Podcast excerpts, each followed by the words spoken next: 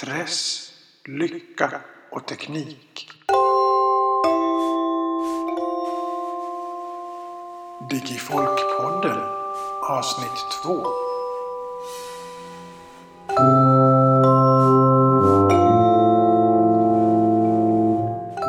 Ja du Kikki, det är fredag morgon och jag har jobbat de sista tre veckorna så mycket så att jag var tvungen att ta det lite lugnt idag. Jag känner att ja, faktiskt att kroppen börjar komma emot. Vet du, att, att ja, nu går det fort.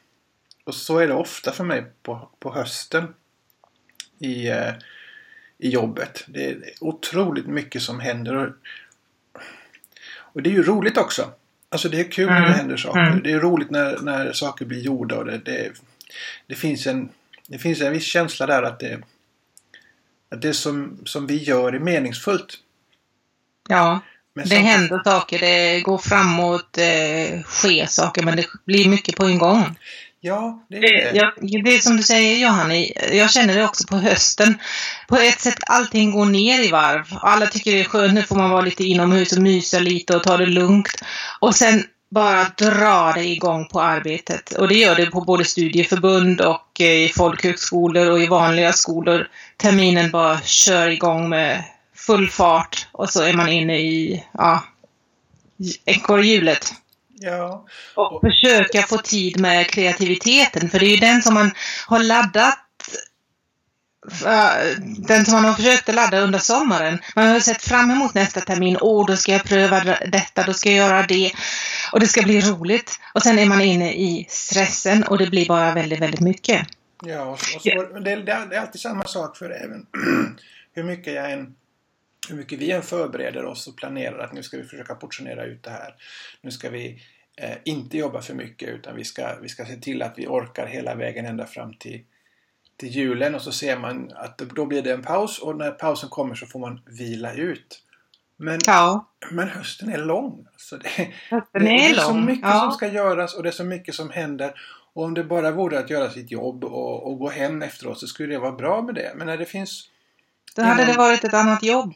när det är så mycket inom teknikutvecklingen, när det är så mycket Mm. inom, inom folkbildningen som rör på sig och där det känns så meningsfullt att få vara med och försöka påverka så är det ju också att, att hastigheten i sig griper tag i åtminstone mig ofta och det är ju det är ju inte så att jag motvilligt jobbar så där mycket utan det är ju medryckande och plötsligt kan jag stå Ja. mitt i det där och undra att, att är det för mycket? Alltså, Ja. vad, vad är det som är så bråttom med egentligen?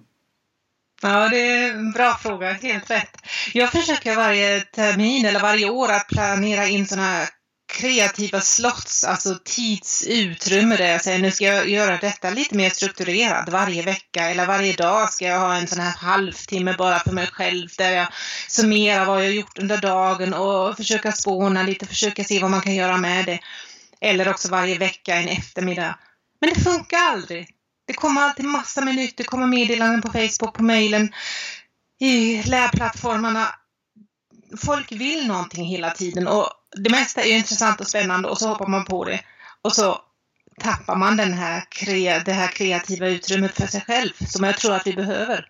Ja. Så ja, Och ja samtidigt, vet. samtidigt finns den här eh, tilläggsutmaningen ligger också i att ehm, det är ju inte bara i min vardag och på vårt kontor som det är mycket att göra utan de som vi arbetar med, de som vi vill försöka hjälpa eller fortbilda, alltså lärare ute på skolor och folk som jobbar direkt med undervisning eh, till, var, till varje dag. De har ju, många av dem också jättemycket att göra så det är också Ja, jag är ju en del av systemet som pressar på och tvingar folk att göra mer. Så, eller liksom, inte tvingar men, men på något sätt försöker få människor att vilja göra mer. Så jag är ju också en del av maskineriet. Jag är den där kuggen som påverkar i den här riktningen. Ja, Och inte den första som kommer säga att nej, nej, men det gör inte så mycket. Hörru du. du behöver inte börja med den här nya tekniken. Du behöver inte lära dig om Open Nej, absolut inte. Än. Utan jag vill ju att det ska hända nu, genast. Ja. För, att, för att det känns, den här eh, känslan av att det är viktigt ger också Ja. extra motivation till att Ja. försöka orka lite till.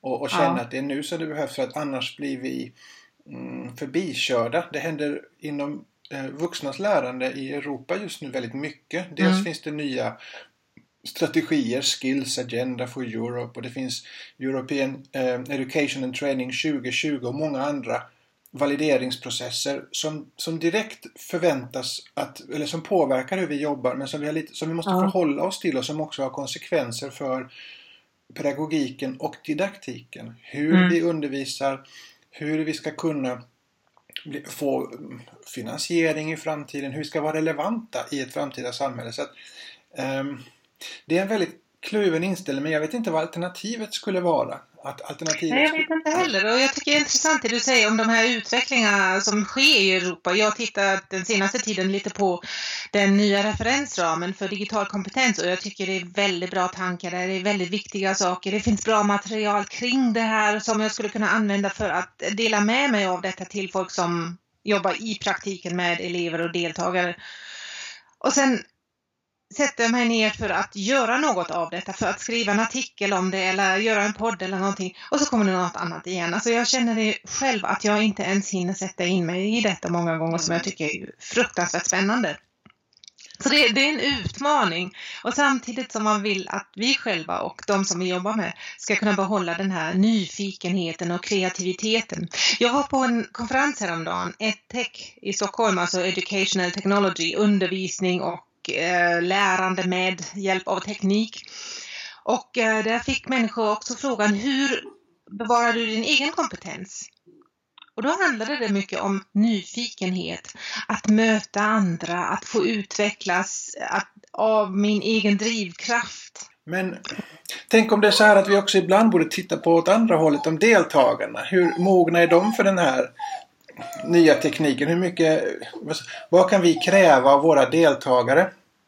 För att ja. de ska hantera och kunna ja. klara av att leva i en ny satsning. Och det är precis det som, som till exempel då Alf Rehn så provocerande säger.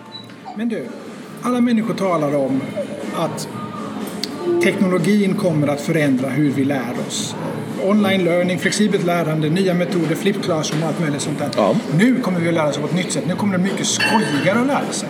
Är det fel? Nej, fel är det väl inte. Och naturligtvis finns det ju ett element av det med och det är, är jättebra om vi utnyttjar det. Men jag tror att vi ska, vi ska nog komma ihåg att det gör ju inte att vissa bassaker om lärande ändå lever kvar. Så till exempel det här, jag, tycker att man alltid underskattar hur enormt mycket det kräver av studeranden att faktiskt kunna ta åt sig de här nya metoderna. För ska det vara skoj för skojs skull så då vet jag mycket bättre saker man kan göra med studerande. Dricka gin med dem till exempel, liksom. det är jätteskoj. Men det här om du faktiskt ska lära dig ett flipped classroom eller lära dig liksom ordentligt på nya onlineplattformar eller edugames och liknande så det kräver ju faktiskt att du liksom har den där passionen att lära. Att det här, och också ofta att du har gjort ett förarbete. Inte blir ju, en bok läser sig inte själv bara för att du sätter upp den på nätet. Eh, och en uppgift blir inte bättre löst bara för att den löses på en tablet snarare än på papper. Att det kommer nog tillbaka till, har, jag säger liksom, har vi så goda studerande att de faktiskt tar till sig det här? Och ofta de gamla, lite klumpigare, kanske lite tråkiga metoderna har sina fördelar framförallt när det gäller att banka in vissa former av kunskap in i relativt lata studerande. Alfred, vem är det?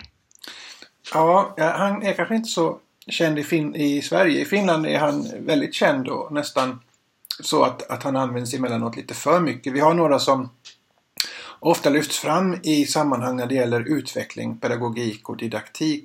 När Alf blev professor, det var 2004, 2004, så var han Finlands yngsta, var bara 32 år och han har skapat sig ett namn i, i vissa kretsar. Han har rest jorden runt och föreläst mycket om eh, företagsekonomi, innovation och kopplingen till populärkultur.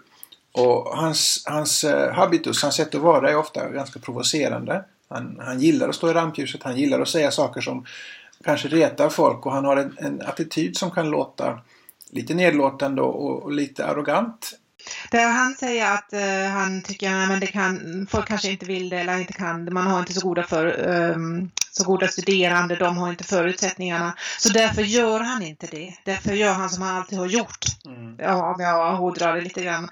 Där tycker jag att vi inte har möjlighet att säga så. För vi måste säga att våra deltagare ska kunna gå ut och fortsätta Eh, att till exempel läsa vid universitetet där man använder sig av flipped classroom eller där man förväntas kunna grupparbeta på distans. Eller kanske de vill delta i en mock Kanske de behöver lära sig mer inom sitt företag och då finns det bara en webbkurs tillgängligt och så vidare och så vidare. Så vi har inte möjlighet att bara säga det där bryr jag mig inte om för mina studerande är inte där utan vi måste fundera över vad exakt är det de kommer att behöva och hur kan vi introducera detta, hur kan vi bearbeta detta i våra kurser mm. för att ge dem en god grund. Så där tycker jag att det, det, det skiljer sig väldigt mycket åt. Mm. Det som mm. jag reagerade på, jag var nyfiken för jag har inte träffat honom förut, jag var nyfiken på hur han såg på, på vuxnas lärande och på pedagogik. Och, och, och, det som slår mig var ju förstås lite grann att han talar också utifrån ett högskoleperspektiv. Han är professor vid Åbo Akademi, han undervisar. Um, han har studerande som går där och som samlar studiepoäng.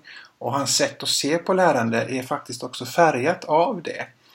Och, och det en, en, var en, lite av en insikt för mig att um, ibland när vi talar om om lärande och vuxnas lärande så är det ju efter, vi använder kanske livslångt lärande, vi kanske använder samma ord men vi, vi kan ha vi ganska olika referensramar egentligen kring vad, vad, vi, vad vi menar med det och vad, hur, vi, hur vi därmed också i förlängningen uppfattar vad, hur lärande fungerar eller hur en inlärningssituation mm. fungerar. Och vad, vad som är våran uppgift som lärare. Ja, rent av vad som är vår uppgift mm. som lärare. Jag, jag, jag tänker mig fortfarande att jobbar man i folkbildning så eh, är det väldigt mycket av en dialog och väldigt mycket av att lyssna in gruppen och väldigt mycket av att mm. inte riktigt mm. veta vart man kommer ta vägen med diskussionen eh, och att det är det som är en av styrkorna det, det, det kanske är min naiva eller lite romantiska föreställning om folkbildning. Det är ju möjligt. Uh, jag märker att det här med att eh, så att säga möjligheten att till exempel skriva vad som helst, läsa vad som helst har nog påverkat hur jag ser på mitt eget lärande och så här. Jag, an, jag använder ser mycket på liksom videos för att lära mig också. Jag gillar liksom multi, det här multimedia-grejer Eh, och så här.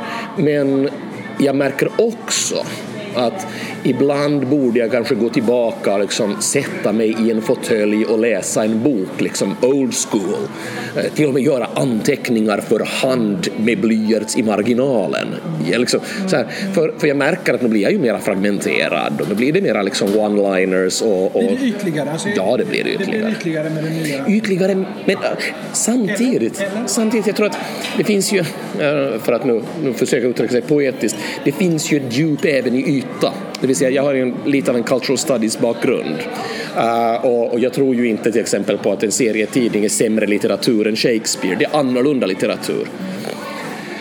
Så för mig själv som jobbar med kreativitet och innovation, så på ett sätt så gör det mig ytligare, men å andra sidan det faktum att jag har detta enorma nätverk av små impulser gör att jag faktiskt kan göra snabbare kopplingar, intressantare kopplingar, jag kan, jag kan kombinera saker på sätt som jag kanske inte skulle kunnat om jag skulle ha suttit och liksom läst mustiga luntor, uh, det här i stilen av en liksom 1800-tals uh, eh, det här skrivbordssociolog.